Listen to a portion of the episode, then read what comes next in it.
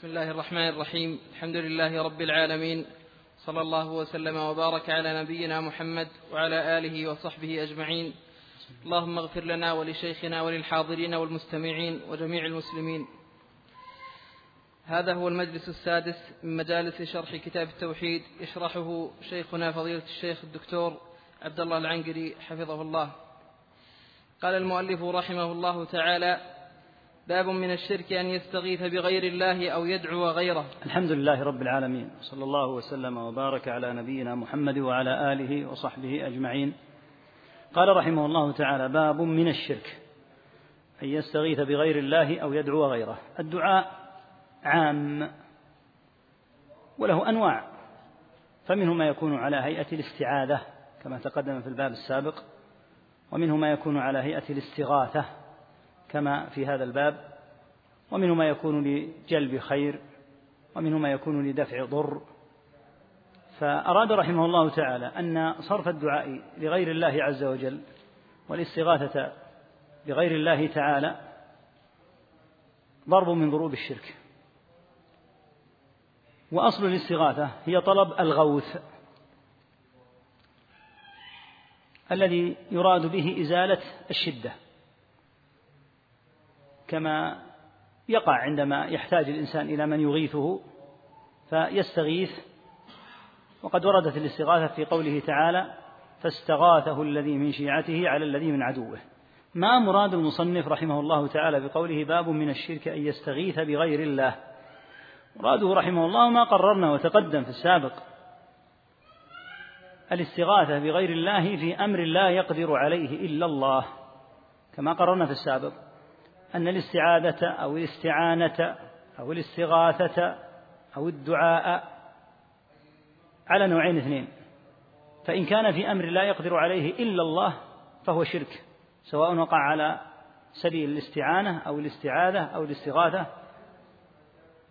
وإن كان في أمر يقدر عليه المخلوق فإنه يجوز بشروط ثلاثة أن يستغيث بمخلوق حي لا ميت.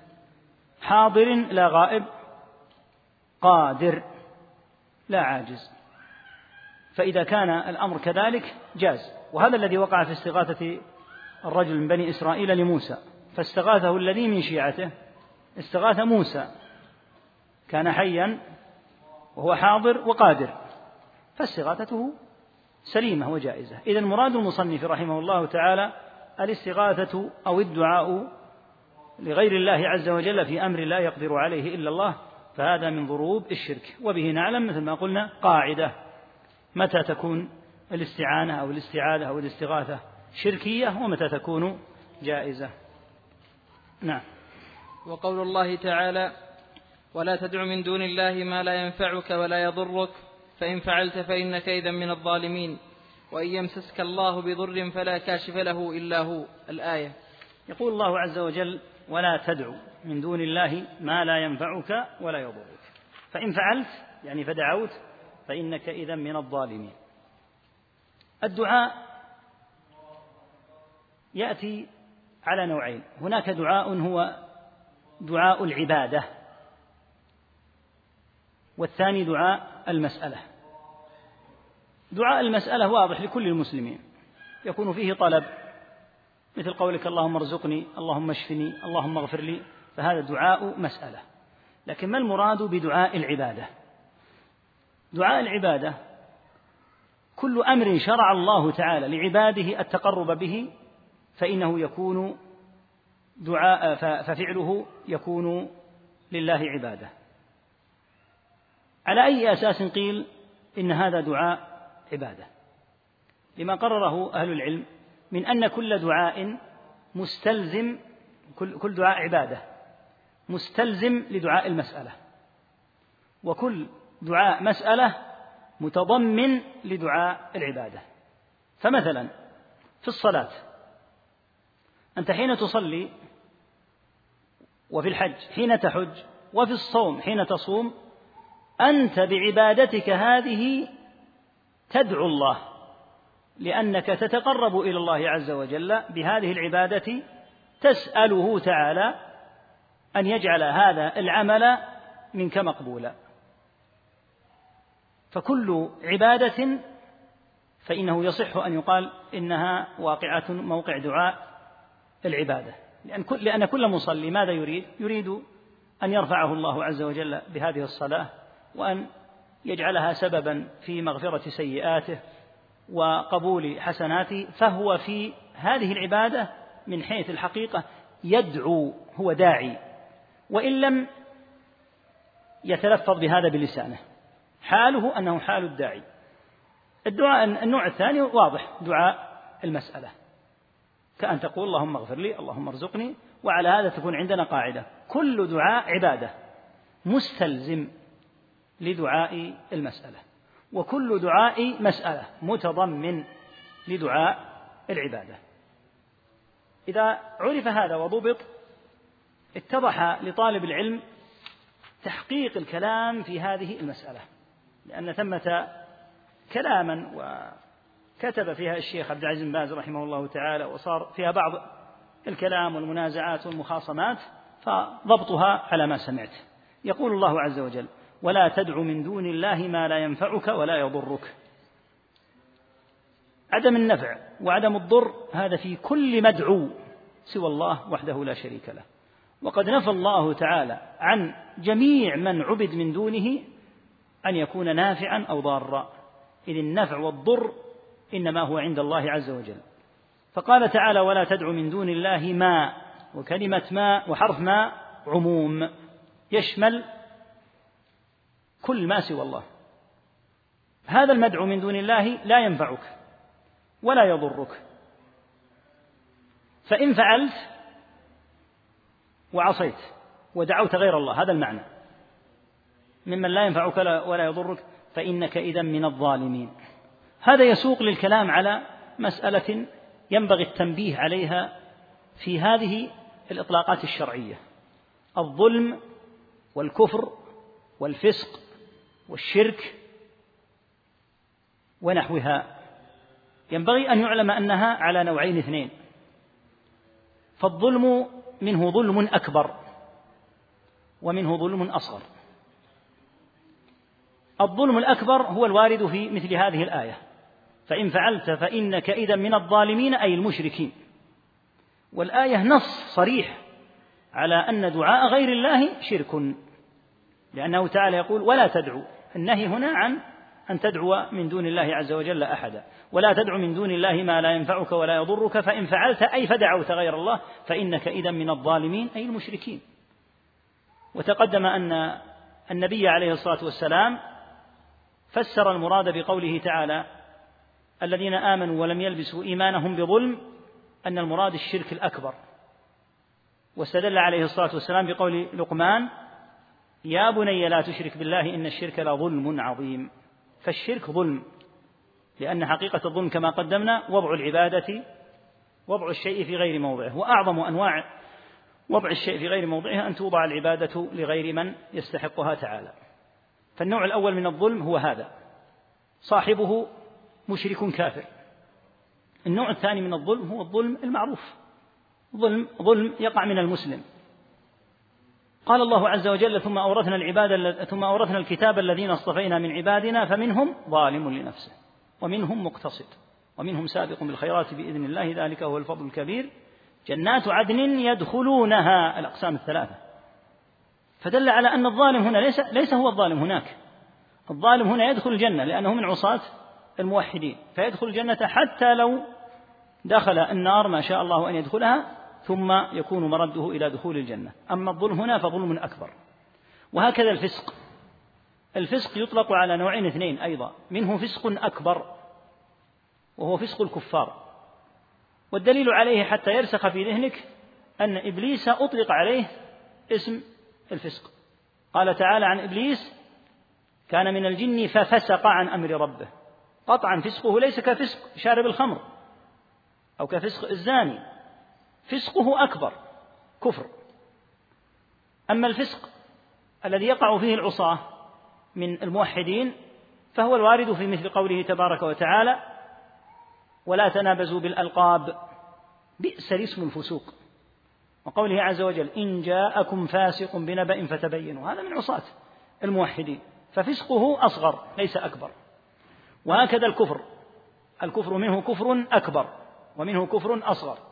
الكفر الأكبر هو الذي يخرج صاحبه من الملة وهو عياذا بالله أصناف كثيرة ككفر المشركين بالله غيره تعالى كمشركي قريش فإنه أطلق عليهم المشركون وأطلق عليهم الكفار وكفر فرعون وكفر من جحد الله بالكلية عياذا بالله فهؤلاء كفار وهناك كفر أصغر كقوله صلى الله عليه وسلم سباب المسلم فسوق وقتاله كفر ما المراد بالكفر هنا؟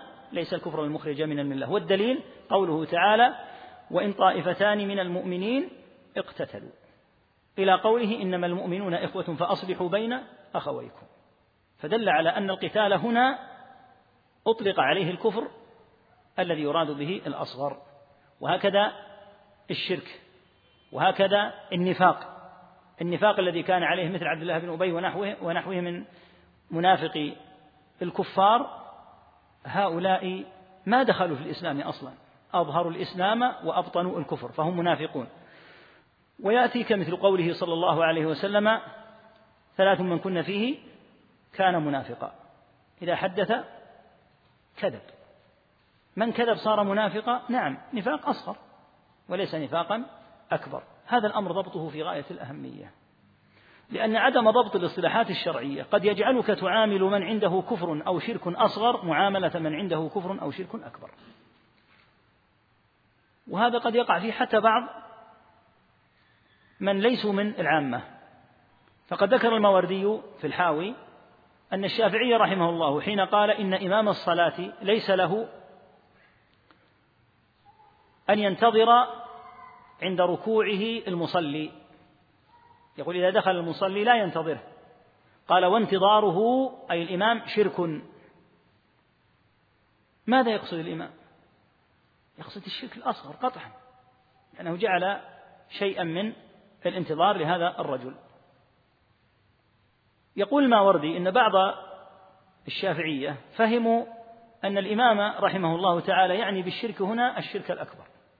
قال فأوجبوا قتل الإمام وقالوا إنه يرتد إذا انتظر المأموم. وهذا يدلك على خطورة أن يظن أن الشرك الأصغر يراد به الأكبر. يعني معنى ذلك أن, أن الإنسان سيستبيح دم من أطلق عليه الشرك. والإمام قطعا الشافعي رحمه الله يريد الأصغر. والمسألة برمتها من مسائل الخلاف. وبعض أهل العلم يرجح ولعله الله تعالى أقرب يرجح جواز انتظار الإمام للمأموم إذا دخل وهو راكع بشرطين.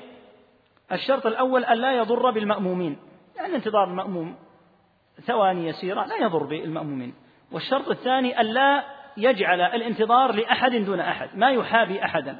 إذا سمع صوت الكبراء والأمراء أو من يعرفهم من أقاربه أو أصدقائه انتظر. وأما غيرهم فلا ينتظرهم هذا لا يجوز وهو من الحيف الخبيث في الصلاة ما يصلح. الصلاة ليس فيها مثل هذا. إما أن ينتظر الجميع ويأخذ بهذا القول بشرط عدم الإضرار بالجماعة أو أن لا ينتظر أحدا بالكلية على القول الثاني ولا يجعل في هذا محاباة. فالمسألة بأسرها هي من مسائل الخلاف. ومراد الشافعي رحمه الله بقوله وانتظاره شرك أي شرك أصغر هذا مراده. الغرض أن ضبط المصطلحات هنا الشرعية الظلم الشرك الكفر النفاق العصيان حتى والفسوق. ينبغي أن يدركها طالب العلم وأن يتأكد هل المراد بالنص الأكبر من هذه الإطلاقات أو الأصغر. يقول تعالى فإن فعلت فإنك إذا من الظالمين أي المشركين. كما قال تعالى والكافرون هم الظالمون. فالظلم هنا الأكبر كما في الآية هنا. والكافرون هم الظالمون أي الكفر الأكبر قطعا لأنه أطلق عليهم الكفر. ثم قال سبحانه وإن يمسسك الله بضر فلا كاشف له إلا هو. وإن يردك بخير فلا راد لفضله. إذا فلماذا يلجأ إلى غيره؟ أمر الضر والنفع عنده تبارك وتعالى. فإن يمسسك بضر فلا يمكن أن يكشفه أحد. سواه وحده لا شريك له.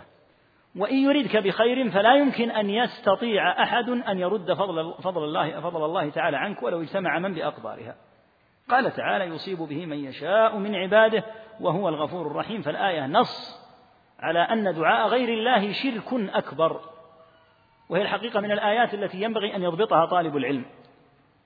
وأن تكون مستحضرة عنده. لو قيل ما الدليل على أن دعاء غير الله شرك أكبر بنص القرآن. هذه الآية. ولا تدع من دون الله ما لا ينفعك ولا يضرك. فإن فعلت فإنك إذا من الظالمين. الظلم الأكبر أي الشرك الأكبر وليس المقصود الظلم الأصغر. ولهذا تجد الدعاء في كتاب الله عز وجل يذكر في مواطن كثيرة على أنه صنيع دعاء غير الله على أنه صنيع المشركين. ويأتي إن شاء الله تعالى بعض الآيات في هذا. نعم. وقوله فابتغوا عند الله الرزق واعبدوه الآية. هذه الآية يبينها ما قبلها إن الذين تدعون تعبدون من دون الله لا يملكون لكم رزقا. فابتغوا عند الله الرزق. قوله تعالى فابتغوا عند الله لاحظ أن الظرف هنا قدم. وتقديم الظرف أو الجار والمجرور يفيد الاختصاص. لم يقل فابتغوا الرزق عند الله قال فابتغوا عند الله فالرزق في الواقع هو عند الله وحده لا شريك له وما قد يساق على يد أحد هو مجرد سبب وإلا الرزق بيده سبحانه وتعالى ولهذا سمى ربك تعالى نفسه بالرزاق سبحانه وبحمده ورزقه سبحانه وتعالى هو لسائر الخلق مؤمنهم وكافرهم آه، عاقلهم كبني آدم والجن وحتى غير العاقل من الدواب والطيور كما قال سبحانه وما من دابة في الأرض إلا على الله رزقها. من قوى الله عز وجل هذه الحقيقة في قلبه ورسخت رسوخا هان عليه النظر إلى الناس وانتظار أن يأتوا إليه بشيء لأنه يعلم أن الرزق إنما هو عند الله وأن ابتغاء الرزق إنما هو عند الله. وكون الرزق بيد الله لا يمنع قطعا أن يلتمس السبب لأن الله تعالى أمر بالتماس السبب للحصول على الرزق. ولهذا تجد من تحقق هذه المسألة وعظمت في قلبه يهون عليه أمر الناس. لما أراد المأمون أن يمتحن الناس بمقولته الخبيثة في اعتقاد المعتزلة في القرآن كان من ضمن أهل العلم وأظنه يعقوب بن إبراهيم رحمه الله عنده في داره أربعون نفسا. فأراده المأمون على أن يوافقه على هذه المقولة. فأبى رحمه الله تعالى. وكان المأمون يعطيه بصفته من أهل العلم المتفرغين للعلم يعطيه مبلغا شهريا لأن هذا من الأشياء التي كانت تعطى لأهل العلم ولا سيما من يكون منقطعا للعلم. فينقطعون للعلم ويتركون التكسب والتجارة فيعطون ما يسمى في بيت المال بالرزق الذي يعطى للقضاة. ولمن انقطع لتوصيل العلم أو الفتوى أو القضاء وترك التجارة والتكسب. فهذا يعطى لا منة وإنما يعطى من بيت المال لأنه لو ترك القضاء أو ترك الفتوى أو ترك التعليم لترتب على هذا ضياع إيصال الدين إلى الناس. فقال المأمون له أقطع عنك عطاءك. فقال رحمه الله وعنده أربعون نفسا. وفي السماء رزقكم وما توعدون. وأبى أن يوافقه. حتى لو كان عنده أربعون الذي خلق هؤلاء الأربعين هو الذي يتولى رزقهم سبحانه. أما أن يوافق على قول كفري فلا شك أن هذا من العظائم وهذه من المواقف التي وقفها علماء علماء السنة رحمهم الله تعالى لأن المأمون وأضرابه عاملوهم بعضهم عاملوهم بالتهديد وبعضهم عاملوهم بالقتل وبعضهم عاملوهم بالسجن والضرب. فكان من أهل العلم أناس كبراء لم يتجاسروا عليهم ولهذا كان المأمون يسأل قبل أن يمتحن عن بعض أهل العلم. هل مات؟ هل مات؟ يريد أن يمتحن الناس ولكن يخشى من هيبة هذا العالم لأنه يخشى أن يمتحن فيقف له أظن سليمان بن حرب رحمه الله. الحاصل من الأمر أن ابتغاء الرزق عند الله عز وجل وأن الرزق بيده سبحانه. ومن قوى الله تعالى هذا في قلبه ورسخت هذه الحقيقة عنده فإنه يبتغي السبب لا يترك السبب. ترك السبب ليس من الشرع ولكن يعلم أن الرزق بيد الله سبحانه وتعالى فيعينه ذلك بإذن الله تعالى على عدم التطلع إلى الناس وعدم الانتظار لشيء منهم. فيغني الله تعالى قلبه ويغنيه عز وجل عمن سواه. كما في الحديث اكفني بحلالك عن حرامك وأغنني بفضلك عمن سواك. نعم. وقوله لاحظ أيضا أنه قرن هنا الرزق بالعبادة. ابتغاء الرزق. فابتغوا عند الله الرزق واعبدوه واشكروا له إليه ترجعون. نعم. وقوله ومن أضل ممن يدعو من دون الله من لا يستجيب له إلى يوم القيامة. الآية. هذه الآية العظيمة يبين سبحانه وتعالى أنه ليس أحد أضل من من ممن هذا حاله. قوله ومن أضل أي لا أحد أضل. ممن هذا حاله. يدعو من دون الله من لا يستجيب. لا يستجيب له إلى يوم القيامة. وهم عن دعائهم غافلون هذا الأمر الثاني. وإذا حشر الناس أي في القيامة وإذا حشر الناس كانوا لهم أعداء وكانوا بعبادتهم كافرين. فهؤلاء قد أضاعوا دنياهم وأخراهم. فمن جهة دنياهم قابلوا صخورا أو أشجارا أو قبورا في غاية الغفلة عمن يدعوها. لا تدري بمن يدعوها. يدعو من دون الله من لا يستجيب له إلى يوم القيامة. ميت. وما أنت بمسمع من في القبور. ويرفع له الحاجات ويهتف باسمه وينذر النذور على رجاء أن يستجيب له. أو هذه الصخرة أو تلك الشجرة. يدعوها من دون الله عز وجل. وهي قطعا لا تستجيب. وهؤلاء المدعوون في غفلة عن الداعين ولهذا قال وهم عن دعائهم غافلون. فهذا قد ضيع حظه ونصيبه في الدنيا. ماذا يريد؟ يريد أن تشفع له وأن تحقق له طلباته. قال تعالى وإذا حشر الناس كانوا كانوا لهم أعداء. أي كان هؤلاء المدعوون من دون الله اعداء للداعين لهم. ولهذا يتبرؤون منهم. يقولون لربنا تعالى تبرأنا إليك ما كانوا إيانا يعبدون. وقال تعالى في بيان الحال في القيامة إن كنا عن عبادتكم عن عبادتكم عن عبادتكم لغافلون. ما ندري أنكم أصلا تدعون. وهذا من الخسران ومن الضلال. قالوا ومن أضل؟ أي لا أحد أضل ممن هذا حاله. قد أضاع نصيبه في الدنيا وفي الآخرة وإذا حشر الناس كانوا لهم أعداء وكانوا بعبادتهم كافرين كما قال تعالى ويوم القيامة يكفرون بشرككم كما سيأتي إن شاء الله فيكفرون بشركهم ويتبرؤون إلى الله تعالى منهم. فهل أحد أضل من هذا؟ لا أحد أضل. ممن؟ قد أضاع أمواله وجهوده يبتغي امرا ثم صار الأمر بخلافه. قال الله عز وجل في ذكر الحال الذي يقدم عليه الإنسان في القيامة وما نرى معكم شفعاءكم الذين زعمتم أنهم فيكم شركاء. أين هؤلاء الذين تزعمون أنهم شركاء؟ لقد تقطع بينكم وضل عنكم ما كنتم تزعمون.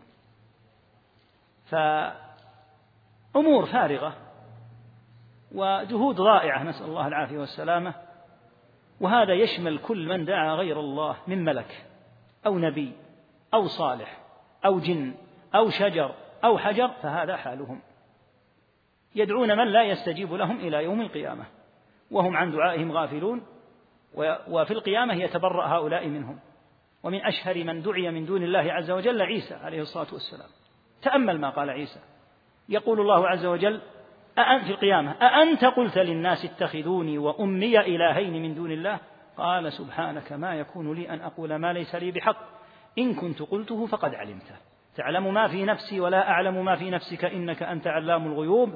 ما قلت لهم إلا ما قد أمرت ما قلت لهم إلا ما أمرتني به أن اعبدوا الله ربي وربكم وكنت عليهم شهيدا ما دمت فيهم. فلما توفيتني كنت أنت الرقيب عليهم. وأنت على كل شيء شهيد. يعني أني ما أدري ما الذي صار من فعلهم. لما كنت في الحياة موجودا قبل أن ترفعني إلى السماء وأنا شهيد عليهم. وهذه بعينها قالها رسول الله صلى الله عليه وسلم. في الحديث الصحيح حين أخبر أن أناسا من أمته يذادون عن حوضه. فيقول صلى الله عليه وسلم أصحابي أصحابي والمراد بهؤلاء الأصحاب النفر الذين ارتدوا وقد أتوا وبايعوا النبي صلى الله عليه وسلم فمات صلى الله عليه وسلم وهو يراهم من ضمن أصحابه لأنه مات والظاهر منهم هو الإيمان. والصحابي هو من آمن بالنبي صلى الله عليه من لقي النبي صلى الله عليه وسلم مؤمنا به ومات على ذلك. النبي صلى الله عليه وسلم لقي ربه وهؤلاء الظاهر منهم هو الإيمان. لما توفي النبي صلى الله عليه وسلم ارتد كثير من هؤلاء. فإذا حالت الملائكة بينهم وبين الحوض يقول صلى الله عليه وسلم أصحابي أصحابي فيقال إنك لا تدري ما أحدثوا بعدك. إنهم لم يزالوا مرتدين على أعقابهم منذ فارقتهم. فأقول سحقا سحقا لمن بدل بعدي.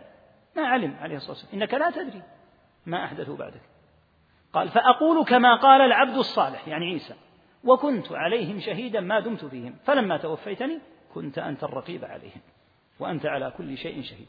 فالحاصل أن من دعا أي أحد سوى الله فإنه في غفلة عن دعوته ولا يستجيب له إلى يوم القيامة وفي القيامة يبرأ إلى الله من شركه وهذا الذي فعله المسيح عليه الصلاة والسلام تبرأ إلى الله منهم ومن شركهم وكل أحد يعبد من دون الله تعالى ممن هو غافل عن عبادة من عبدوه فإنه يبرأ إلى الله من شرك المشركين به نعم روى الطبراني بإسناده أنه كان في زمن النبي صلى الله عليه وسلم منافق يؤذي المؤمنين.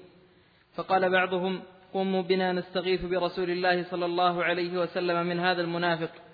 فقال النبي صلى الله عليه وسلم ما, ما عندك؟ أما يجيب مضطر ما عندي يا ما فيها. الآية الأخرى هي قوله عز وجل أما يجيب المضطر إذا دعاه ويكشف السوء. ويجعلكم خلفاء الأرض. أإله مع الله. اللي عنده النسخة هذه سجل الآية هذه الآية هذه موجودة في الكتاب. وهي آية سورة النمل الثانية والستين. الثانية والستون.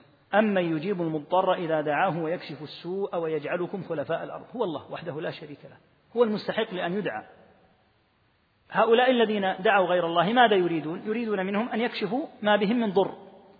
فبين تعالى أن الاضطرار لا يمكن أن يكشفه سواه وحده لا شريك له. أما يجيب المضطر إذا المضطر إذا دعاه ويكشف السوء سبحانه. ليس أحد يفعل هذا إلا الله. فإجابة المضطر وكشف ما به من ضر لا يمكن أن تكون إلا من عند الله وحده لا شريك له. وهكذا كشف السوء. لا يمكن أن يكشف عنك السوء في خاصة نفسك أو يكشف السوء عن الأمة بأسرها إلا الله وحده لا شريك له. ويجعلكم خلفاء الأرض أإله مع الله؟ أي أإله مع الله يفعل ذلك؟ قطعا لا أحد. يقول إن أحدا مع الله تعالى يفعل ذلك. حتى المشركون يرون أن هذه المعبودات من دون الله إنما هي مجرد شافع ليفعل الله عز وجل هذه الأشياء. قال الله عز وجل والذين اتخذوا من دونه أولياء ما نعبدهم إلا ليقربونا إلى الله زلفى قال البغوي في قوله تعالى والذين اتخذوا من دونه أولياء ما نعبدهم؟ قال أي يقولون يعني هذه عبارتهم يقولون ما نعبدهم إلا ليقربونا إلى الله زلفى. فهم يعلمون أن أمر الضر وكشفه إلى الله تعالى وأن هذه الأوثان لا يمكن أن تكشف الضر مستقلة وإنما يتقرب إلى الله بعبادتها في زعمهم حتى يكشف عنهم الضر. قل أرأيتم ما تدعون من دون الله؟ إن أرادني الله بضر هل هن كاشفات ضره؟ أو أرادني برحمة هل هن ممسكات رحمته؟ جوابهم واضح لا. يعني حتى الكفار حتى المشركون يقول لو أراد الله بنا ضرا ما ردته آلهتنا. فلهذا قال تعالى أما يجيب المضطر إذا مضطر إذا دعاه هو الله وحده لا شريك له وهو الذي يكشف السوء ويجعلنا خلفاء الأرض. قيل إن المراد بقوله ويجعلكم خلفاء الأرض استخلاف. الناس الأحياء بعد الأموات. يعني أنه يخلف هؤلاء هؤلاء أو أنه يراد به يجعلكم خلفاء الأرض المستمكنين منها. نعم. قال رحمه الله روى الطبراني بإسناده أنه كان في زمن النبي صلى الله عليه وسلم منافق يؤذي المؤمنين فقال بعضهم قوموا بنا نستغيث برسول الله صلى الله عليه وسلم من هذا المنافق. فقال النبي صلى الله عليه وسلم إنه لا يستغاث بي وإنما يستغاث بالله. هذا الحديث من أهل العلم من ضعفه منهم الشيخ عبد العزيز رحمه الله ومنهم من قال إنه صالح للاعتضاد ومنهم ابن تيمية رحمه الله تعالى. في هذا الحديث أن منافقا هذا المنافق بين في الرواية الأخرى وهو عبد الله بن أبي كان يؤذي المؤمنين. فقال بعضهم في الرواية الأخرى أن الذي قال هذا هو أبو بكر رضي الله عنه. قوموا بنا نستغيث برسول الله صلى الله عليه وسلم من هذا المنافق يعني ليكف شره. قال عليه الصلاة والسلام إنه لا يستغاث بي وإنما يستغاث بالله. نفي النبي صلى الله عليه وسلم أن يستغاث به في أمر يقدر عليه وهو أن يكف شر هذا المنافق. قال بعض شراح الحديث إن المراد تنبيههم إلى الأدب بأن لا يستعملوا كلمة نستغيث بك حتى وهو حي حتى وهو قادر. قالوا فهذا من باب الأدب. وقال بعضهم وشيخ الإسلام قال إذا صح الحديث فالظاهر أنه محمول على أنه عليه الصلاة والسلام لا يتمكن من إغاثتهم في تلك الحال. وإذا قيل بهذا فالظاهر أن هذا كان في أول الإسلام لأن المنافقين كانوا في أول الإسلام أقوياء. حتى توالت انتصارات الإسلام وانفضح من انفضح منهم وهدى الله من هدى منهم وقلوا قلوا وتقلصوا فصاروا بالمكان الدنيء الوضيع. لكن في بداية الأمر لا شك أنهم قدم النبي صلى الله عليه وسلم المدينة والناس ثلاثة أقسام. القسم الأول المسلمون من المهاجرين والأنصار. القسم الثاني اليهود. القسم الثالث عباد الأوثان من أهل المدينة. كونهم من أهل المدينة فيه ما يقتضي التلطف والرفق لأن فيهم قبائلهم من الأوس والخزرج فكان صلى الله عليه وسلم يتحمل منهم كثيرا ويصبر على أذاهم كثيرا جدا. ومن أكثر من آذاء نبي الله صلى الله عليه وسلم عدو الله عبد الله بن أبي بن سلول الوارد في هذا فكان صلى الله عليه وسلم يتحمل منه. على كل حال على القول بصحة الحديث فإن المراد نوع من التأديب لهم إلى أن لا يطلقوا هذه العبارة وأن يلجأ إلى الاستغاثة بالله أو أن الحال في تلك الحقبة كان يقتضي صعوبة أن يوقف هذا عند حده فلهذا وجههم إلى أن يستغيثوا بالله تعالى في أمره. نعم. باب قول الله تعالى أيشركون ما لا يخلق شيئا وهم يخلقون ولا يستطيعون لهم نصرا. الآية. لاحظ هذا من فقه الإمام رحمة الله تعالى عليه ومما ينبغي أن يتفطن له الدعاة إلى الله. هذا الباب تضمن مجموعة عظيمة من النصوص. الدالة على أن أحدا لا يملك الضر والنفع حتى النبي صلى الله عليه وسلم. فلما أتى إلى هذا الباب ترجم عليه بالآية ولم يبت الحكم بأن يقول من الشرك كذا كالأبواب السابقة. ليقرأ طالب العلم الباب ويستخلص منه الحكم بنفسه. وأيضا والله أعلم لعل مراده أن الغلاة في النبي صلى الله عليه وسلم لو قرأوا هذا الباب وفيه شيء من توضيح حقيقة ما هم عليه مباشرة والباب هو الرابع عشر لا يزال في يعني يعد في الثلث الأول منه. ربما نفروا. فترجم على هذا الباب وهو مليء بالنصوص الدالة على أن النبي صلى الله عليه وسلم بشر لا يملك لنفسه ضرا ولا نفعا ترجم عليه رحمه الله بالآية حتى يقرأ الباب. وهذا الباب من أعظم الأبواب في الكتاب. الدالة على أن الأمر إلى الله وحده لا شريك له. أيشركون ما لا يخلق شيئا وهم يخلقون؟ هذه هي صفة كل ما عبد من دون الله. مخلوق ولا يمكن أن يخلق. أيشركون ما لا يخلق. لا يخلق شيئا وهم يخلقون. ولا يستطيعون لهم أي لهؤلاء الذين يدعونهم لا يستطيعون لهم نصرا ولا أنفسهم ينصرون. فما داموا بهذا الحال لماذا يعبدون؟ ماذا يبتغى من عبادتهم ما الفائدة من عبادتهم؟ لا يفعل هذا إلا أسفه الناس. فإن الذي يدعو مخلوقا ويترك خالقه قد ترك الطريق الموصل لكشف ضره وجلب نفعه. ولجأ إلى طريق هو أبعد ما يكون من تحقيق طلبته هذه. أيشركون ما لا يخلق شيئا وهم يخلقون؟ وقد نعى الله عز وجل على من سوى بين الخالق والمخلوق. قال تعالى أفمن يخلق كمن لا يخلق؟ أفلا تذكرون؟ فهؤلاء حين عبدوا هذا المخلوق وهم مخلوقون ينعى عليهم أن جعلوا العبادة للمخلوق وإنما هي للخالق تعالى. نعم. وقوله والذين تدعون من دونه ما يملكون من قطمير. الذين تدعون من دونه جميعا كلهم أيا كان هؤلاء الذين تدعون من دونه. ما يملكون من قطمير. وما المقصود بالقطمير؟ المقصود بالقطمير أنت إذا فتحت التمرة وجدت فيها النواة المسماة بالعجمة التي يسميها بعض الناس الفصم أو العبس أو غيرها هذه عليها لفافة رقيقة جدا لو تنفخها طارت. قال تعالى والذين تدعون من دونه ما قال سبحانه ما قال ما يملكون من نواة. قال ما يملكون من قطمير. حتى النواة. حتى النواة لم يذكرها تعالى. ذكر اللفافة هذه التي على النواة. قال ما يملكونها. ما يملكون من قطمير. ثم بين الحقيقة. إن تدعوهم لا يسمعوا دعاءكم. لأنك تدعو كما قلنا من لا يسمعك؟ وهو عنك كما في الآية؟ وهم عن دعائهم غافلون. إن تدعوهم لا يسمعوا دعاءكم. ولو على سبيل التقدير لو فرض ولو سمعوا لو فرضنا أن هؤلاء الموتى في القبور سمعوا ما استجابوا لكم. لو فرضنا أنهم سمعوا وهم لن يسمعوا لكن لو فرض أنهم سمعوا لما استجابوا.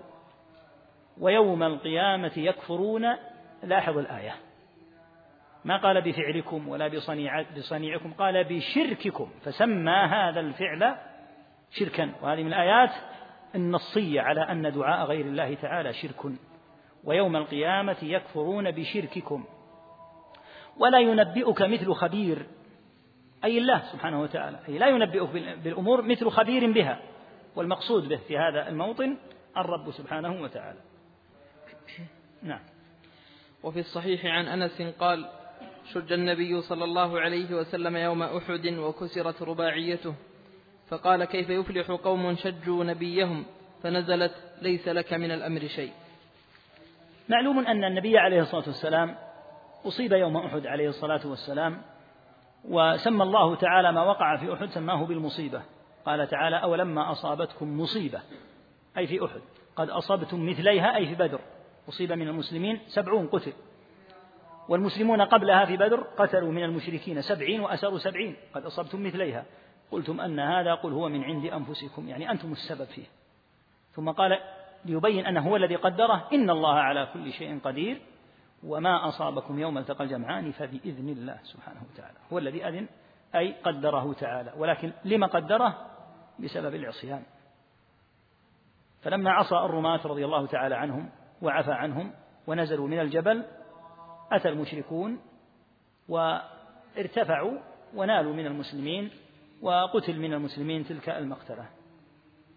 أراد الكفار أن يقتلوا رسول الله صلى الله عليه وسلم قدر ما استطاعوا وانطلقوا قدر جهدهم ليقتلوه عليه الصلاة والسلام.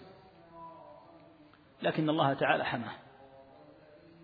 وروى سعد رضي الله عنه أنه قال رأيت عن يمين النبي صلى الله عليه وسلم وشماله يوم أحد رجلين عليهما ثياب بيض يقاتلان عنه أشد القتال عليه الصلاة والسلام أي من الملائكة.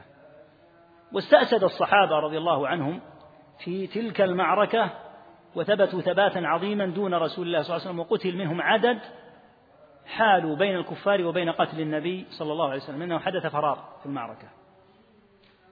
وأراد المشركون قدر ما يستطيعون الوصول إلى النبي صلى الله عليه وسلم لكن الله تعالى أولا حماه ثانيا استأسد الأنصار رضي الله عنهم واستأسد عدد من الصحابة رضي الله تعالى عنهم كأبي دجانة وسعد بن أبي وقاص وعدد طلحة ومنهم من آه، أصيب بضرر شديد في بدنه لكن دون رسول دون رسول الله صلى الله عليه وسلم حتى كف الله تعالى المشركين.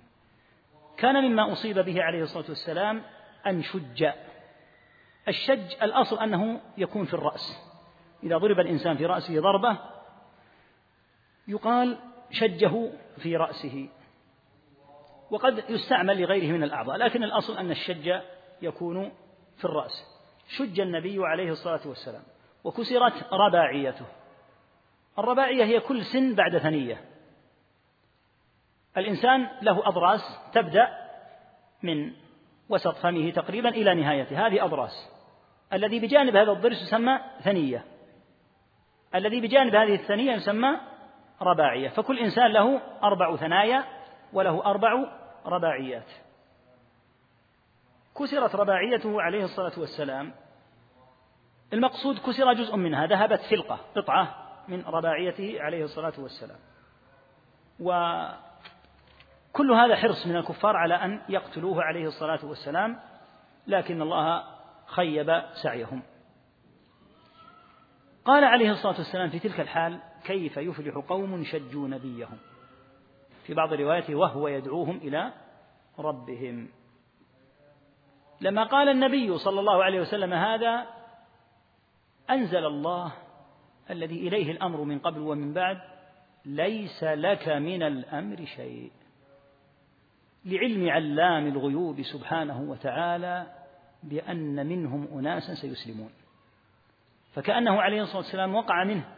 وقع يعني لما فعلوا مثل هذا الفعل وحرصوا على قتل من بعثه الله. وقع منه نوع من كما قال بعض المفسرين نوع من اليأس من أن يسلموا. لأنه لا يعلم الغيب عليه الصلاة والسلام.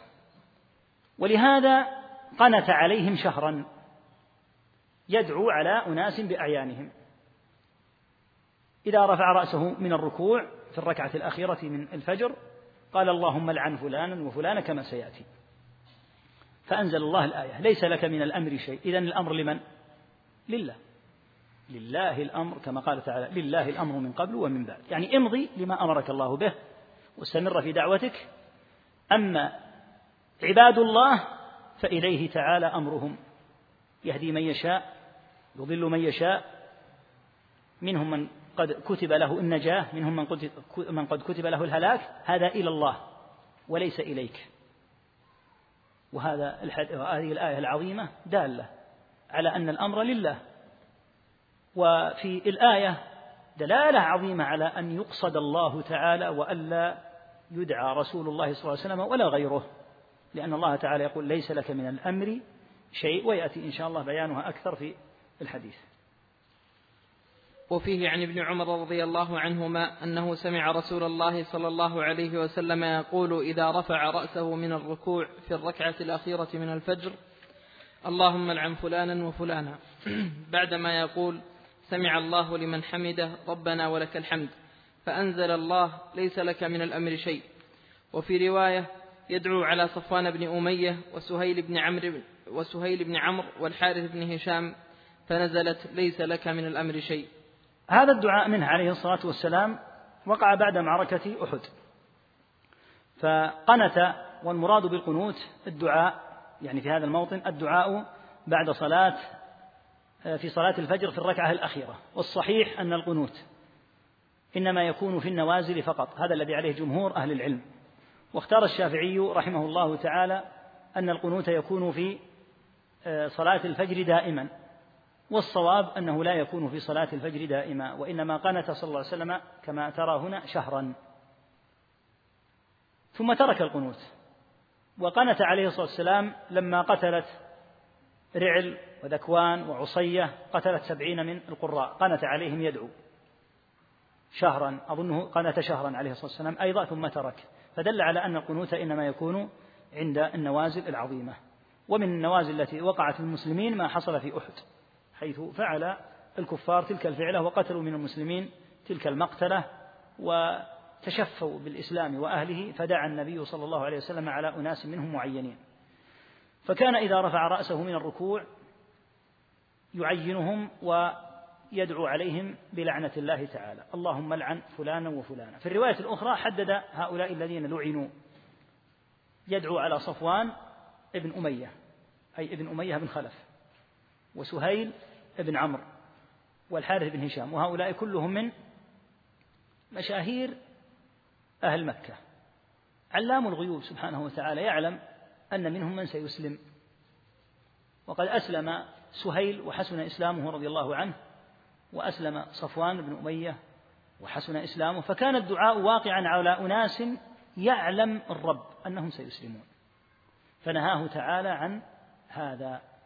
وقال ليس لك من الأمر شيء.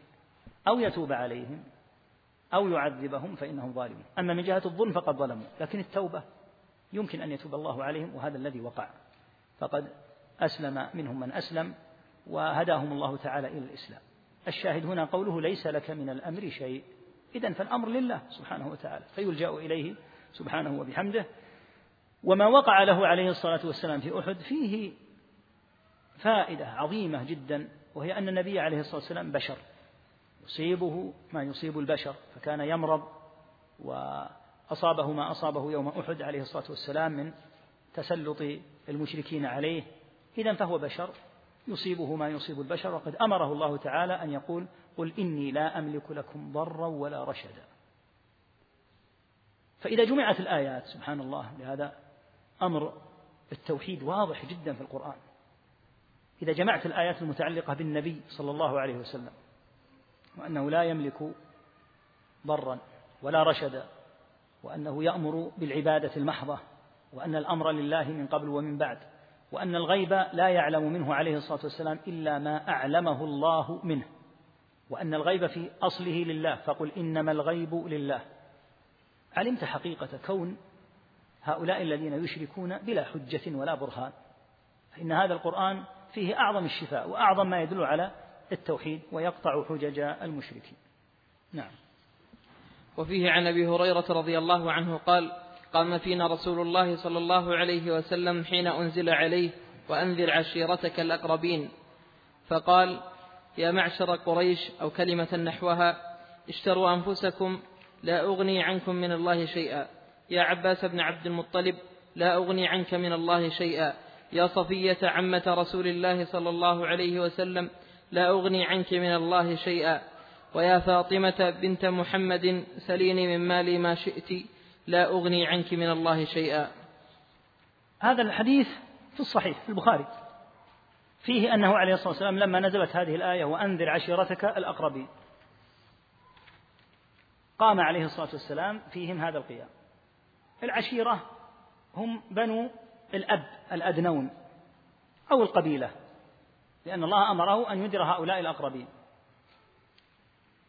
قال عليه الصلاة والسلام امتثالا لقوله وأنذر عشيرتك الأقربين يا معشر قريش. المعشر هم الجماعة. أو كلمة نحوها اشتروا أنفسكم لا أغني عنكم من الله شيئا.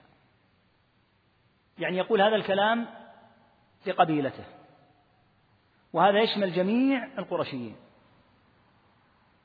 لم يكتفي صلى الله عليه وسلم بالكلام العام الذي يشمل جميع قريش. من بني عدي وبني أمية وبني هاشم وبني المطلب كلهم يشملهم هذا. حتى اقترب أكثر وخص الأقربين الأدنين منه عليه الصلاة والسلام. أبوه غير موجود. توفي وأمه حامل به. أمه غير موجودة. توفيت وهو صلى الله عليه وسلم صغير. جده غير موجود. فبدأ بذكر الأقربين. بدأ بالعم والعم كما في الحديث صنو الأب. يا عباس ابن عبد المطلب وهو أخو أبيه عبد الله. عم النبي عليه الصلاة والسلام. لا أغني عنك من الله شيئا. يعني تفطن إلى أمر. أن ابن أخيك وإن كان نبيا وأكرم بني آدم على الله فلن يغني عنك شيئا. لا تقل هذا ابن أخي.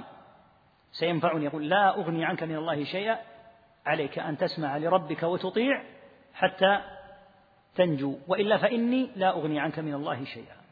ثم ذكر عمته صفية بنت عبد المطلب.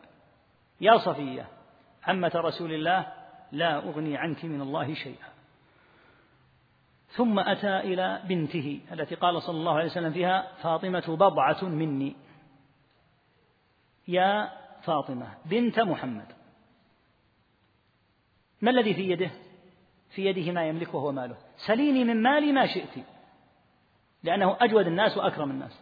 الذي في مكنتي هو المال. وهو كريم جواد عليه الصلاة والسلام. ما شئت من المال أعطيك لكن لا أغني عنك من الله شيئا. إذا قيل هذا للأقربين وقيل نبي الله لا يغني عنكم يا معاشر الأقربين من الله شيئا. ما المطلوب؟ اتجهوا إلى الله تعالى بعبادته والكف عن الشرك وعن المعصية حتى تنجوا وإلا فإن النبي لن يغني عنكم من الله شيئا. هذا الحديث إراده من دلائل فقه الإمام رحمة الله تعالى عليه. ما دام النبي صلى الله عليه وسلم يقول هذا لأقرب الناس وأحبهم إليه فكيف بغيرهم؟ من باب أولى. إذا قال لبنته لا أغني عنك من الله شيئا وقال لعمته ولعمه ولقرابته فكيف يظن المشرك ممن يدعو النبي صلى الله عليه وسلم ويصرف له العبادة من دون الله؟ يقول سينفعني النبي صلى الله عليه وسلم ويغني عني شيئا. وهو يقول يقول صلى الله عليه وسلم لا أغني عنكم من الله شيئا. ولهذا قال الله تعالى لما ضرب المثل بامرأة نوح وامرأة لوط كانتا تحت عبدين من عبادنا فخانتاهما كانتا تحت عبدين صالح من عبادنا صالحين فخانتاهما فلم يغنيا عنهما من الله شيئا. فالأنبياء لا يغنون عمن أشرك لا يغنون عنه شيئا. وهؤلاء الذين يدعون الأنبياء ويصرفون العبادة لهم قد أخبرهم الرب تعالى في كتابه وأخبرهم النبي عليه الصلاة والسلام أنهم لا أن النبي لا يغني عنهم من الله شيئا. وهذا تنفيذ لقوله لاحظ وأنذر عشيرتك الأقربين هذا تبيين للآية.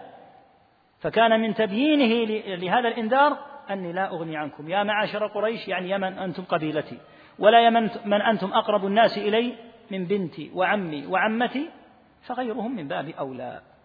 فهذا من أعظم الأدلة على أن هؤلاء المشركين الذين يدعون النبي صلى الله عليه وسلم ويزعمون أنه يجيب المضطر ويكشف الضر أنهم في واقع الأمر كالعمي. لا يفقهون. إذا قال هذا عليه الصلاة والسلام لأقرب الناس إليه فكيف ينتظرون منه عليه الصلاة والسلام أن يصنع ذلك لهم؟ نعم. باب قول الله تعالى ننبه الإخوان من أراد أن ينصرف يا إخوة ينصرف قبل أن يشرع المؤذن في الأذان. لأن إذا أذن المؤذن فلا يجوز الخروج من المسجد.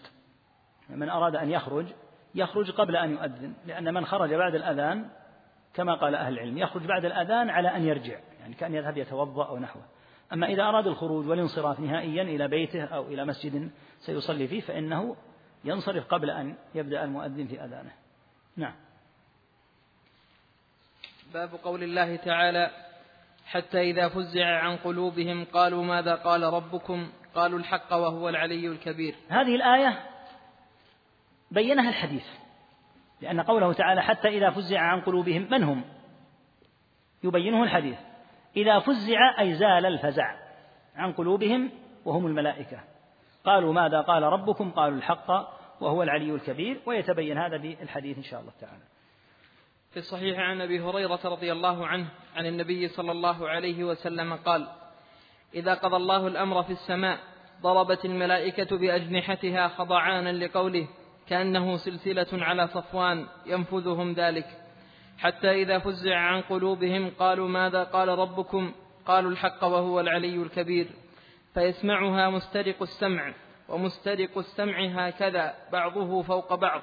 وصفه سفيان بكفه فحرفها وبدد بين أصابعه فيسمع الكلمة فيلقيها إلى من تحته ثم يلقيها الآخر إلى من تحته حتى يلقيها على لسان الساحر أو الكاهن فربما أدركه الشهاب قبل أن يلقيها وربما ألقاها قبل أن يدركه فيكذب معها مئة كذبة فيقال أليس قد قال لنا يوم كذا وكذا كذا وكذا؟ فيصدق بتلك الكلمة التي سمعت من السماء. هذا الحديث يبين لك أهمية تفسير القرآن بالحديث. لأن الآية وضحها الآن هذا الحديث. يقول عليه الصلاة والسلام إذا قضى الله الأمر. يعني إذا تكلم سبحانه وتعالى بالوحي كما في اللفظ الآخر. إذا تكلم الله بالوحي سمع أهل السماوات صلصلة كجر صلصلة كجر السلسلة على الصفوان. إذا قضى الله الأمر في السماء ضربت الملائكة بأجنحتها خضعانا خضوعا وذلا للعظيم الجبار سبحانه وتعالى خضعانا لقوله كأنه يعني هذا الصوت العظيم من شدته وعظمته كأنه سلسلة على صفوان الصفوان هو الحجر الأملس إذا جر عليه سلسلة يكون صوت قوي ومزعج شديد كأنه سلسلة على صفوان ينفذهم ذلك أي ينفذهم الصوت ينفذ فيهم. إذا وصل إليهم هذا الصوت كما في الرواية الأخرى صعقوا جميعا أصيبوا أصيبوا بالغشي كما في الحديث الآخر. أول من يرفع رأسه منهم هو سيد الملائكة وهو جبريل. فإذا رفع جبريل رأسه أمره الله تعالى بأمره فكلما مر على أهل سماء قالوا له يا جبريل ماذا قال ربنا؟ فيقول قال الحق وهو العلي الكبير. فيقولون جميعا قال الحق وهو العلي الكبير. مراد المصنف أن الملائكة على عظمة مكانهم عند الله وشديد خلقتهم إذا سمعوا كلام الله تعالى صعقوا هذا الصعق. وما داموا بهذه المثابة فلماذا يدعون؟ ولماذا يطلب منهم؟ ولماذا لا يطلب للعظيم الذي إذا سمعوا صوته صعقوا؟ سبحانه وبحمده. فهذا فقه الحديث وسبب إراده في هذا الباب حتى إذا فزع عن قلوبهم. تقدم شرح أول الحديث بقي الكلام على مسترق السمع. مسترق السمع هم الشياطين يسرقون ما تتكلم به الملائكة فيما بينها من أمور الغيب التي سيجريها الله. لأنه ورد في البخاري أن الملائكة تنزل في العنان يعني في السحاب. فتتكلم بإذن الله عز وجل بشيء مما قضاه الله. كيف تعرف الشياطين هذا الأمر الذي سيجريه الله تعالى؟ قطعا لا يعلم الغيب إلا الله. فيعمدون إلى أمر يدلك على والعياذ بالله شدة حرصهم على إضلال الناس حتى لو هلكوا. يسترقون السمع يسرقون هذا الكلام الذي يدور بين الملائكة. وإلا فيستحيل أن يعلموا الغيب قطعا لا أحد يعلم الغيب نهائيا إلا الله تعالى. لكن إذا أمر الله بالأمر تكلمت الملائكة به فتأتي الشياطين تستمع لكلام الملائكة وهذا ليس بغيب يعني ليس غيبا علموه وهم في أماكنهم لا. يعني كالذي يتجسس. إذا تجسس وسمع إنسانا وأخبر بأمر لا يقال إنه علم الغيب. يقال تلصص حتى سمع. وهذا أمر قد شاءه الله تبارك وتعالى لحكمة بالغة.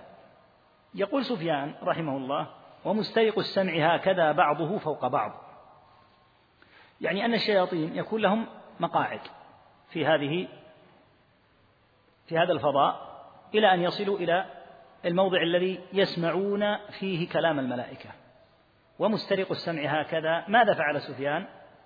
وصفه سفيان بكفه فحرفها وبدد بين أصابعه. يعني حرفها أمال يده هكذا. وبدد بين أصابعه يعني أنهم ليسوا متراصين هكذا وإنما بينهم فراغات. بدد بين أصابعه أي أن الشياطين ليسوا متلاصقين هذا فوق هذا وإنما لهم بأمر الله تعالى مواضع. فالأول الذي يسمع الكلمة من الملائكة يلقيها إلى الذي تحته والذي تحته يلقيها إلى الذي تحته وهكذا وهكذا حتى تصل إلى الساحر أو الكاهن. يقول فيسمع الكلمة فيلقيها إلى من تحته ثم يلقيها الآخر إلى من تحته حتى يلقيها على لسان الساحر أو الكاهن. فربما أدركه الشهاب قبل أن يلقيها. الشهاب الذي يرمى به هؤلاء الشياطين وجعلناها رجوما للشياطين ربما أدرك الشيطان قبل أن يلقي الكلمة من الغيب فأهلكه وانقطعت. هذه المسألة ولم تصل إلى من تحته بأمر الله تعالى. فإذا أدركه الشهاب قبل أن يلقيها لم يدري لأنهم لا يعلمون الغيب لم يدري الذي تحته فهلك. وربما ألقاها قبل أن يدركه. ربما ألقاها إلى الذي تحته فإذا ألقاها ووصلت إلى الذي تحته والذي تحته أوصلها إلى الذي تحته إذا ألقاها وصله الشهاب بإذن الله تعالى بعد أن ألقاها. فأهلكه. وهذا مثل ما قلنا يدل على عياذا بالله على دأبهم الشديد في إغواء الناس وإضلالهم حتى لو هلكوا. فإذا أوصلوا هذه الكلمة إلى الساحر أو الكاهن ما الذي يريدون؟ في سبيل هلكوا فيه وبذلوا فيه كل هذا يريدون إضلال الناس. فماذا يطلب من الكاهن أو الساحر؟ يطلب منه الشيء الذي يفسد الناس. لأن المقصود بهذه الكلمة التي سمعت من الغيب أن تكون بمثابة الطعم الذي يجعل للجاهل الذي لا يدري حتى يظن أن الساحر يعلم الغيب. فيكون معه هذا الأمر الحق من الغيب فيخلط معه مئة كذبة والعياذ بالله. فينتشر الكذب في الناس ولهذا لاحظ الذين يأتون السحرة لاحظ أنه يأتي قد تشبع بمجموعة من العداوات. عمي سحرني. زوجة خالي فعلت كذا. زوجة أختي تفعل كذا. مجموعة من الأمور تسبب شيئا من الضغائن ويخلطون معها شيئا من مسألة واحدة من الغيب حق. ويخلطون معها هذه الكذبات العظيمة. ولهذا يقول الشيخ محمد رحمه الله فالعجب منهم. يصدقونه في مئة كذبة لأجل كلمة واحدة من الحق. ولهذا تجد الذاهبين إلى السحرة والكهنة والعياذ بالله تجدهم في أسوأ الأحوال لأنهم يكذبون عليهم ويسببون لهم شيئا من العداوات وأيضا يخيلون لهم أمورا لم تقطع الشياطين نفسها هكذا أنفسها هكذا إلا لتغوي الناس ولم تهلك نفسها أنفسها في هذا السبيل حتى يصل إلى الكاهن أو إلى الساحر أمر من الغيب هكذا مجرد. بل أرادوا بإهلاك أنفسهم أن يغووا الناس وأن يضلوهم. يقول فيقال يعني من قبل الجاهلين الذين لا يعرفون الأمر على حقيقته أليس قد قال لنا يوم كذا وكذا كذا وكذا أليس يعني هذا الساحر أو الكاهن؟ قال سيقع يوم كذا وكذا حدث معين. فإذا جاء ذاك الحدث الذي سمعته الشياطين من الملائكة قالوا صدق. هذا الساحر صادق انظروا تحقق هذا فيصدق بماذا؟ بتلك الكلمة التي سمعت من السماء. ولهذا لما وقع هذا الأمر الغيبي ورأوه صدقوه في هذا الذي وقع وصدقوه في غيره من الكذبات الأخرى. فهذا يدلك على حقيقة ما قد يوجد عند هؤلاء الشياطين والسحرة من الأمور الغيبية أن الواقع أنها مجرد أشياء يأخذونها من آه، ما تتكلم به الملائكة فينزلها هذا إلى الذي تحته وذاك إلى الذي تحته حتى يخلط بها الساحر أو الكاهن مئة كذبة. نعم. وعن النواس بن وعن النواس بن سمعان رضي نعم، الله عنه. بالكسر. وعن النواس بن سمعان. سمعان. أحسن الله إليك. وعن النواس بن سمعان رضي الله عنه قال قال رسول الله صلى الله عليه وسلم إذا أراد الله تعالى أن يوحي بالأمر تكلم بالوحي فأخذت السماوات منه رجفة. فأخذت السماوات. فأخذت السماوات منه رجفة أو قال رعدة شديدة خوفا من الله عز وجل. أي رعدة رعدة. الله إليك. فأخذت السماوات فأخذت السماوات منه رجفة أو قال رعدة شديدة خوفا من الله عز وجل. فإذا سمع ذلك أهل السماوات صعقوا وخروا لله سجدا. فيكون أول من يرفع رأسه جبريل. فيكلمه الله من وحيه بما أراد. ثم يمر جبريل على الملائكة.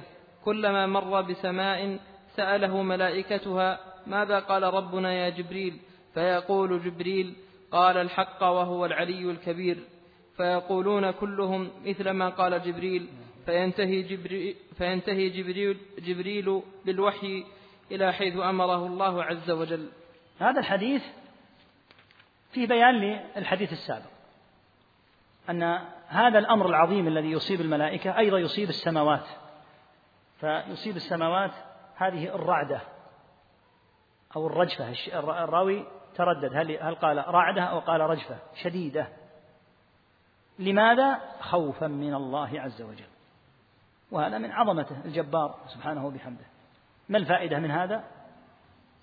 اتركوا الملائكة واتركوا المخلوقات واتجهوا إلى رب الملائكة سبحانه. الذي إذا تكلم بالأمر حصل للملائكة هذا الأمر حتى إن ملائكة السماوات كلها تصعق ويكون أول من يرفع رأسه جبريل فهم خلق.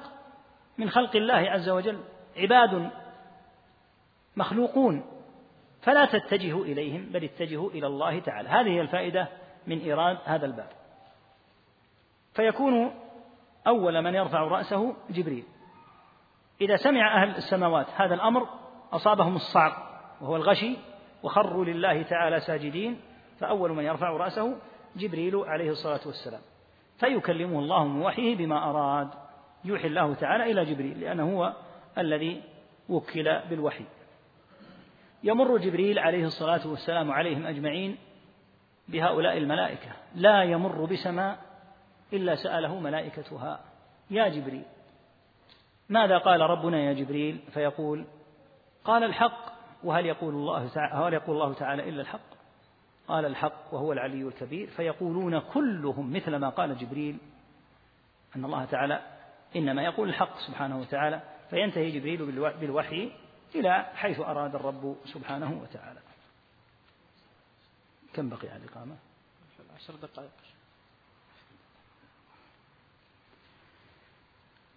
لعل نذكر يعني الباب مقدمة باب الشفاعة لأن عشر دقائق ما ينتهي في هذا الباب. آه، الشفاعة هذا الباب الآتي لنا إن شاء الله تعالى. نعطي فيه مقدمة ويقرأ إن شاء الله في الأسبوع القادم. الشفع ضد الوتر كما قال الله عز وجل والشفع والوتر. فالوتر هو الفرد والشفع هو الشيء الزوجي. والشفاعة يراد بها التوسط لأحد في حصول شيء. الشفاعة يقرر فيها قواعد مهمة جدا يضبطها طالب العلم وتتسق عنده بإذن الله تعالى النصوص. أول ما يقرر عند طالب العلم الشفاعة لمن؟ أول ما يقرر أن الشفاعة لله لا للرسل ولا للملائكة ولا لأحد. قال تعالى قل لله الشفاعة جميعا. فالشفاعة لله وليست لأحد. هذا أولا. الأمر الثاني الشفاعة لها شرطان. الأمر الثاني أقسام الشفاعة في القرآن. الشفاعة في القرآن كما ترى تارة تنفى وتارة تثبت. فالشفاعة المنفية هي الشفاعة التي يتوهمها المشركون من معبوداتهم. كما قال تعالى ولقد جئتمونا فرادا كما خلقناكم أول مرة. وتركتم ما خولناكم وراء ظهوركم وما نرى معكم شفعاءكم الذين زعمتم أنهم فيكم شركاء. فهم يتخذون هؤلاء الشركاء حتى يشفعوا لهم. فهذه شفاعة منفية. وردت في مواضع من كتاب الله عز وجل مثل قوله عز وجل يا أيها الذين آمنوا أنفقوا مما رزقناكم من قبل أن يأتي يوم لا بيع فيه ولا خلة ولا شفاعة. الشفاعة هنا منفية. أي شفاعة؟ الشفاعة التي يتوهمها المشركون من معبوداتهم. النوع الثاني من الشفاعة في القرآن وفي السنة الشفاعة المثبتة التي أثبتها الله. في مثل قوله تعالى من ذا الذي يشفع عنده إلا بإذنه. وفي مثل قوله تعالى ولا يشفعون إلا لمن ارتضى. فدل على وجود شفاعة. هذه الشفاعة المثبتة قطعا غير الشفاعة المنفية. ما الشفاعة المثبتة؟ هي التي تحقق فيها شرطان اثنان. الشرط الأول إذن الرب. إذن الرب بالشفاعة. كما قال تعالى من ذا الذي يشفع عنده إلا بإذنه. والشرط الثاني رضا الله عن المشفوع. كما قال تعالى ولا يشفعون إلا لمن ارتضى. هذه الأمور إذا تقررت في الشفاعة وعرفت وضبطت اتضحت حقيقة الشفاعة. وأنها لا يجوز أن تطلب من مخلوق وإنما تطلب من الله تعالى إذ هي ملك له تعالى. قال تعالى قل لله الشفاعة الشفاعة له تعالى. متى تكون الشفاعة في القيامة؟ إذا ورد الناس الموقف وبقوا في ذاك اليوم العظيم خمسين ألف سنة في هذه الفترة لم يأذن الله تعالى بالشفاعة لأن الشفاعة له. فيضيق الناس من ذلك المقام الضنك العظيم فيأتون آدم فيقولون أنت أبو البشر خلقك الله تعالى بيده وأسجد لك ملائكته. اشفع لنا إلى ربك. ألا ترى ما بنا؟ يعني من الكرب والشدة. فيحيلهم آدم إلى نوح ثم يحيلهم نوح إلى إبراهيم ثم يحيلهم إبراهيم إلى موسى ثم يحيلهم موسى إلى عيسى ثم يحيلهم عيسى إلى محمد صلى الله عليه وعليهم جميعا وسلم تسليما كثيرا. فلأنه أعلم الناس بالله عز وجل عليه الصلاة والسلام. يقول أنا لها لأن الشفاعة هي المقام المحمود الذي يحمده عليه الخلائق. هل يشفع لا يذهب. فيخر ساجدا تحت العرش يستأذن الذي بيده ملك الشفاعة سبحانه. ولهذا جاء في الحديث أنه صلى الله عليه وسلم يسجد جمعة يعني أسبوعا. يفتح الله تعالى عليه محامد لم يكن يعرفها. فبعد ذلك يأتي الإذن بالشفاعة. يا محمد ارفع رأسك وسل تعطى واشفع تشفع. جاءت الشفاعة جاء الإذن بالشفاعة. فيقول عليه الصلاة والسلام أمتي يا رب أمتي يا رب عليه الصلاة والسلام. فالشفاعة لا تكون ابتداء ولهذا لا تطلب من النبي صلى الله عليه وسلم ولا يحل أن تطلب قطعا في الدنيا لأنها لا تطلب إلا في الآخرة. الذين صحبوا النبي صلى الله عليه وسلم كانوا يطلبون منه في حال حياته أن يدعو الله لهم لأن الشفاعة دعاء. فكان يدعو لهم هذا مما وفق الله له الصحابة دون غيرهم وهو أنهم نالوا بركة دعائه عليه الصلاة والسلام. لما توفي النبي صلى الله عليه وسلم هل كان الصحابة أو أبناء الصحابة يأتون إلى قبره فيقولون اشفع لنا؟ هم أعقل وأعلم وأدين من أن يفعلوا هذا لأنه لا يطلب منه ذاك وهو ميت. فدل على الفرق بين حال الحياة وحال الممات. وثمة حديث عظيم مهم جدا في هذا الباب. رواه البخاري فيه أن عائشة رضي الله تعالى عنها لما كان في آخر حياة النبي صلى الله عليه وسلم دخل عليها فقالت ورأسه. فقال صلى الله عليه وسلم يا عائشة لو كان ذلك وأنا حي يعني لو أنك مت وأنا حي فدعوت الله لك. فجعل دعاءه في حال حياته. أما إذا توفي فكيف يدعو؟ ففرق صلى الله عليه وسلم بين حال الحياة وحال الممات. فهذه الأمور إذا ضبطت وعرفها طالب العلم أن الشفاعة لله ملك لله. أن المنفي منها يراد به نوع. غير المثبت الذي أثبت في آيات أخرى في كتاب الله. أن الشفاعة لها شرطان وسيأتي إن شاء الله تعالى الدليل على كل شرط. إذن الله بالشفاعة ولهذا لا تقع الشفاعة عندما يرد الناس القيامة لا تقع شفاعة حتى يمضي ذلك اليوم العظيم بطوله خمسون ألف سنة. ثم يأذن الله بالشفاعة لأن الشفاعة لا تقع إلا بعد إذن الله. والرب تعالى لا يرضى إلا عن أهل التوحيد الخالص كما سيأتي حديثه إن شاء الله تعالى كما قال تعالى وكم من ملك في السماوات لا تغني شفاعتهم شيئا إلا من بعد أن يأذن الله لمن يشاء ويرضى. فإذا ضبطت هذه المقدمات المهمة في الشفاعة يمكن أن يتضح إن شاء الله تعالى حديثها لاحقا. يسأل الأخ عن أن عمه تزوج بامرأة كافرة وطلقها. يقول نغضت عيش أهلي في سؤالي هل تعد هذه المرأة من الأرحام؟ هي بالنسبة لك حرام حتى لو كانت مسلمة. لأنها زوجة عمك أجنبية منك على كل حال وما دامت كافرة فدعك منها. يقول كتاب تنفع به في سير الصحابة والصالحين. كتب كثيرة لكن عليك بالكتب التي يكون فيها ضبط للإسناد ونحوه. ففي كتب السنة عموما شيء كثير من هذا وفي كتب السير لكن تراعي أن فيها ما هو صحيح ومنها وفيها ما هو ضعيف. ومن أمثلها عندي آه، طبقات ابن سعد لأن سنده عالي. آه، بعض الرواة يعني إذا عرفت أن من رواته من هو ضعيف كمحمد بن عمر الواقدي وأضرابه فسنده عالي. كثير من أسانيده إذا سلمت من الواقدي وأمثاله تكون سليمة. يقول كيف نفرق بين الشرك أو الكفر أو النفاق؟ الأكبر والأصغر في النصوص. هل في ذلك قواعد؟ مثل ما يعني ذكرت لك. تفرق بين بأن الأنواع الكبرى منها مخرجة من الملة والأنواع الصغرى منها في مثل الأعمال وفي مثل الرياء الذي يقع من الموحد وغيره هذه لا تخرج من الملة. يقول كيف نجمع بين النصوص التي تثبت أن أن الأموات يسمعون والتي تنفي ذلك؟ هذا سؤال جيد. لأن الله تعالى يقول وما أنت بمسمع من في القبور. وجاء في بعض الروايات أن النبي عليه الصلاة والسلام أخبر أن الميت يسمع قرع نعال الذين يدفنونه. يقال القاعدة أنه لا يسمع كما قال تعالى وما أنت بمسمع من في القبور إلا ما استثني بدليل كسمع الميت قرع نعالهم وسمع أهل أهل القريب لما قال عليه الصلاة والسلام هل وجدتم ما وعد ربكم حقا؟ فالقاعدة أنهم لا يسمعون كما قال تعالى وما أنت بمسمع من في القبور. فإذا جاءت أحاديث واستثنت حالة معينة كحالة الدفن وإذا ذهب عنه أصحابه سمع قرع نعالهم يقول هذه استثنيت من عموم الآية. فما استثني؟ نعم.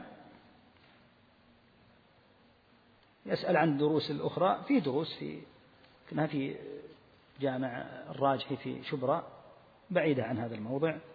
بعد المغرب يوم الأحد وفجر الخميس. يقول أفضل شرح لكتاب التوحيد كثيرة ولله الحمد والأحسن التكامل فيها. من أنفسها وأحسنها كتاب تيسير العز الحميد للشيخ سليمان بن عبد الله لكنه واسع.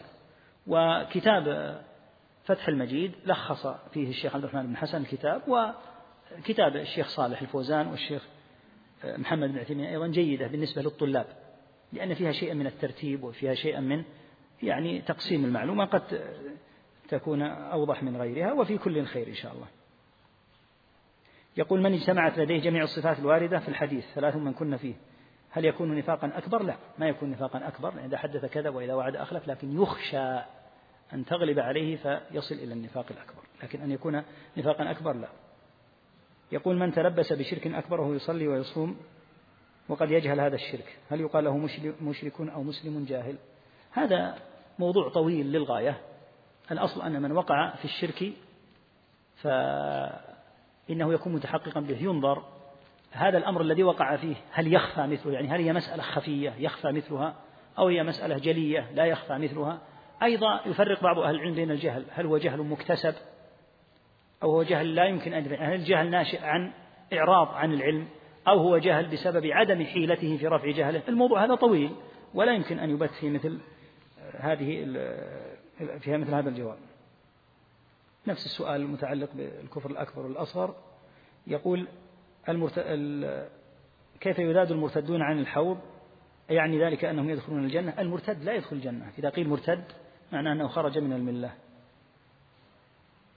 يقول نفس السؤال الأخ إذا أطلق لفظ الشرك في الكتاب والسنة هل يحتمل الشرك الأصغر أو الأكبر أم الأكبر فقط؟ حسب الدليل. الدليل تارة يدل على الأصغر تارة يدل على الأكبر بحسب الدليل. وتعلمك تعلمك الآن التوحيد. ومراد النبي صلى الله عليه وسلم مراد الله ومراد النبي صلى الله عليه وسلم بالنصوص هذا هو الذي يسهل عليك إن شاء الله التفريق. يقول كيف نجمع بين يأس النبي صلى الله عليه وسلم بقوله كيف يفلح قوم يشجوا نبيهم وبين قوله وما ينطق عن الهوى. هو ما جزم هو ما قال والله لا يفلحون لكنه تساءل كيف يفلح هؤلاء؟ ما قال والله لا يفلحون والله إنه من أهل النار هذا يبلغ لكنه تساءل كيف يفلح هؤلاء؟ فهو ما ما جزم بجزم لكن قال كيف يفلح؟ يقول ما هو الصفر؟ يقصد في الباب السابق النحاس. يقول قوله ليس لك من الأمر شيء في أي القصص نزلت. قلنا لك في أحد. هل أسلم سهيل بن عمرو رضي الله عنه؟ نعم أسلم رضي الله تعالى عنه وأرضاه. يسأل عن المأمون المأمون لقي ربه والله تعالى هو الذي يحاسبه. نفس الوضع الأخوة يسألون كثير عن ما الفرق بين الشرك الأكبر والأصغر.